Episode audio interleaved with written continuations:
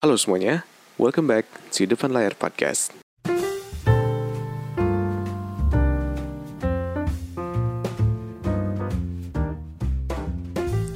Halo semuanya, balik lagi di Depan Layar Podcast Apa kabar kalian semua hari ini? Gue doain semoga kalian semua sehat-sehat aja Semoga kerjaan kalian beres semuanya Gue doain semoga semuanya yang positif aja Gue juga mau terima kasih buat kalian semua yang udah dengerin podcast gue hari ini Dan yang udah dengerin podcast gue dari yang awal sampai akhir. Dan kalau misalkan lo mau dengerin podcast gue yang lainnya Lo bisa dengerin lewat Youtube, Spotify, Anchor, dan Apple Podcast Dan gue juga mau terima kasih buat kalian semua yang udah nge-komen, udah nge-DM, udah nge-email gue Dan kalau misalkan lo mau support podcast gue Lo bisa support lewat donasi Saweria yang udah gue kasih linknya di Youtube description di bawah Oke, hari ini adalah hari terakhir gue bikin podcast di tahun 2020. Gue doain semoga 2020 kalian ini yang terakhir-terakhirnya ya. Sebelum 2020 berakhir nih ya, gue doain semoga kalian bisa memanfaatkan waktu dengan baik untuk menyambut tahun baru 2021. Dan di akhir 2020 ini gue pengen bikin satu podcast yang mungkin membuat kalian ingin menjadi se seorang content creator untuk nge-share apa ya, nge-share pengalaman kalian, nge-share pengetahuan, ilmu dan segala macam. Karena gue ngeliat banyak banget orang-orang yang sebenarnya pengen jadi konten kreator cuman kebanyakan tuh masih apa ya masih takut gitu masih uh, ragu masih grogi. Jadi ini tuh bakal jadi podcast lanjutan dari yang sebelumnya yang gue ngomongin tentang jangan takut untuk berbagi. Ini kalau misalnya waktu itu kan gue ceritain pengalaman gue ya tapi kalau ini gue pure bakal nyeritain ilmu yang gue tahu aja tentang apa ya tentang menjadi seorang content creator gitu. Nah, sekarang kan lagi zamannya content creator ya. Zaman sekarang itu mulai banyak page-page di Instagram atau di Twitter yang gunanya itu untuk nge-share entah itu humor, komedi, entah itu ilmu pengetahuan, entah itu sharing self development seperti podcast gue atau yang lain-lain. Nah, itu kan sekarang lagi lagi zaman ya dan mungkin siapa tahu kalian itu pengen jadi orang yang suka nge-share juga dan mungkin lu pengen tahu apa sih rasanya dan bagaimana menjadi seorang konten kreator yang apa ya konten kreator yang bisa dipercaya sama orang gitu atau yang tidak membuat orang-orang tuh kesel sama lo gitu kan. Karena kebanyakan takut karena itu kan. Kebanyakan takut kalau misalkan wah takutnya ntar gue salah nge-share gue malah dibully habis-habisan atau gimana gitu kan. Nah gue pengen ngasih tau aja ke kalian gimana caranya supaya lo itu bisa lah jadi seorang konten kreator yang baik gitu di zaman sekarang ya mungkin gue juga tidak sempurna sih menjadi seorang content creator cuman mungkin ini dari based on experience gue aja gitu ya. Nah langsung aja kita masuk ke inti dari podcast hari ini. Yang pertama kita gue mau ngomongin dulu tentang content creator dulu ya. Jadi kalau misalkan zaman dulu ya uh, content creator itu kan cuman kebanyakan ada di TV yang di mana content creator zaman dulu itu kayak misalkan mereka tuh bikin acara yang budgetnya cuma lumayan gede juga uh, bikin acara tentang self development juga dulu ada sih. Cuman kan itu kan harus nunggu di TV dulu gitu ya. Terus ada juga konten kreator yang kayak apa ya bikin acara TV tentang humor tentang apa lagi. Ya banyak lah. Contoh kalau misalkan lu ngomongin tentang kayak OVJ gitu kan itu kan masuknya ke sebuah konten tapi konten zaman dulu zaman zaman di TV gitu. Menurut gue itu masuknya kontennya. Yang di mana tujuannya untuk uh, menghibur para penontonnya. Nah tapi zaman sekarang itu mulai banyak nih konten kreator yang dia tuh bikinnya tuh di Instagram aja yang gratis-gratis aja tapi sebenarnya dia tuh banyak banget punya banyak banget ilmu dan pengalaman yang bisa di-share ke lu semua. Yang di mana menurut gue itu tuh sangat bermanfaat buat hidup kita di zaman sekarang. Apalagi kalau untuk kita-kita nih ya yang pasti setiap kali kan pasti membuka sosial media ya nggak? Dan itu tuh bener-bener bisa membantu hidup kita tuh menjadi lebih baik lebih baik lagi dari sebelumnya gitu. Nah ditambah di zaman sekarang juga kan ada yang namanya fitur repost. Kalau misalkan di Instagram atau di Twitter tuh ada fitur retweet gitu kan. Yang di mana kita tuh bisa nge-share lagi nge-share ulang konten-konten yang kita lihat. Terus kita nge-share ulang supaya dilihat sama teman-teman kita atau keluarga kita.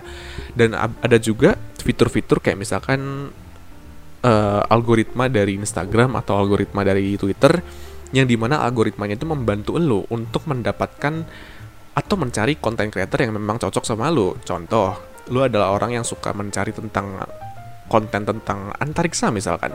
Nah, si algoritmanya itu membantu lu supaya lu itu mendapatkan konten-konten tentang antariksa terus gitu. Sup, gimana caranya supaya lu itu mendapatkan page-page di Instagram atau di Facebook atau di Twitter yang di mana dia tuh memberikan informasi mengenai ilmu antariksa misalkan seperti itu. Nah, dari situ tuh mulai muncullah bibit-bibit atau permulaan di mana banyak banget orang-orang yang pengen belajar untuk menjadi seorang content creator, ya nggak?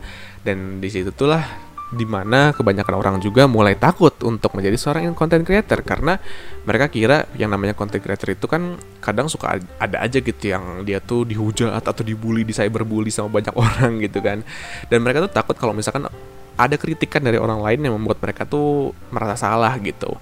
Nah cuman ini menurut pengalaman gue aja ya. Menurut pengalaman gue kalau misalkan yang namanya content creator itu kan memang kerjaannya lu tuh mau sharein konten gitu. Tapi emang ada aja beberapa orang yang dia tuh salah nge-share hingga akhirnya apa yang dia bikin itu membuat marah banyak orang dan akhirnya ya lu harus klarifikasi dan minta maaf gitu kan. Tapi gini loh gue selalu berpikir hal seperti ini. Ketika lu itu masih takut untuk nge-share apa yang lu pengen sharing ke orang lain gitu ya di saat itu juga ada loh orang-orang di luar sana yang sebenarnya dia tuh sangat berterima kasih dengan konten lo gitu. Dia sangat berterima kasih dengan apa yang lu sharing ke sosial media gitu.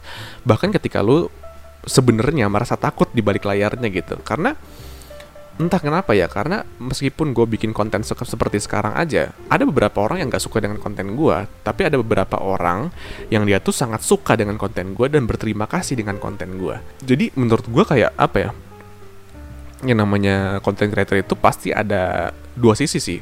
Ada si pro ada ada, ada si kontra. Dan itu tuh udah sebuah hal yang sangat lumrah dan normal gitu. Kalau misalkan kita di dalam dunia ini pun meskipun lu tidak menjadi seorang content creator pasti ada orang yang su suka dan gak suka dengan diri lu gitu. Dan itu adalah hal yang sangat pasti terjadi di dalam hidup ini menurut gue seperti itu ya. Nah mungkin lu uh, penasaran nih gimana caranya sih jadi orang yang bisa bikin konten gitu kan? Jadi seorang konten konten creator tuh kayak gimana sih gitu.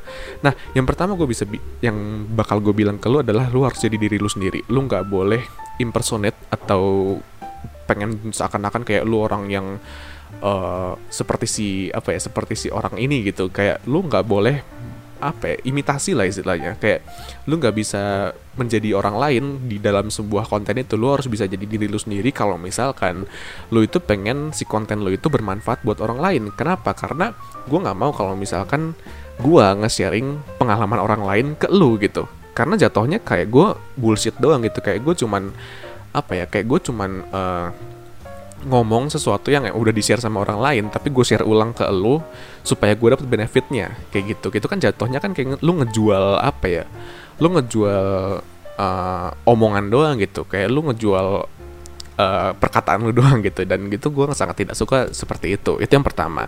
Dan yang kedua menurut gue lu harus research research dulu yang lu bakal omongin lu harus bisa lu harus mau gitu.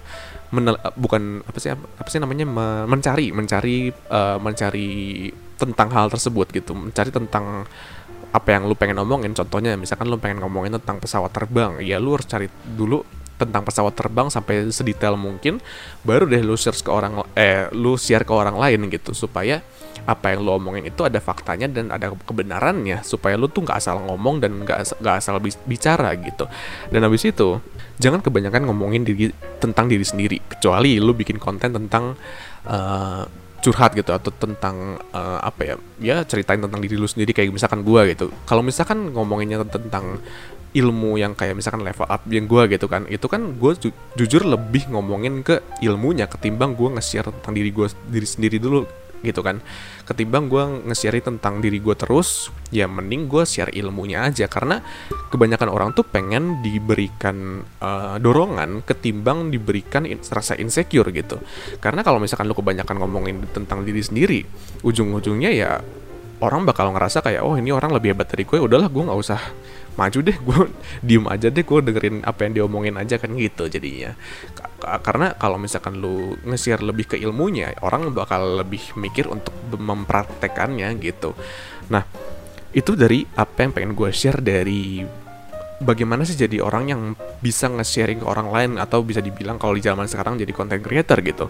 Nah untuk penutupnya memang ada sih beberapa content creator yang dia tuh dihujat lah karena dia salah ngomong. Tapi menurut gue itu bukan jadi salah satu sarana untuk lu gak mau mencoba gitu. Tapi menurut gue itu harus menjadi salah satu sarana untuk lu belajar.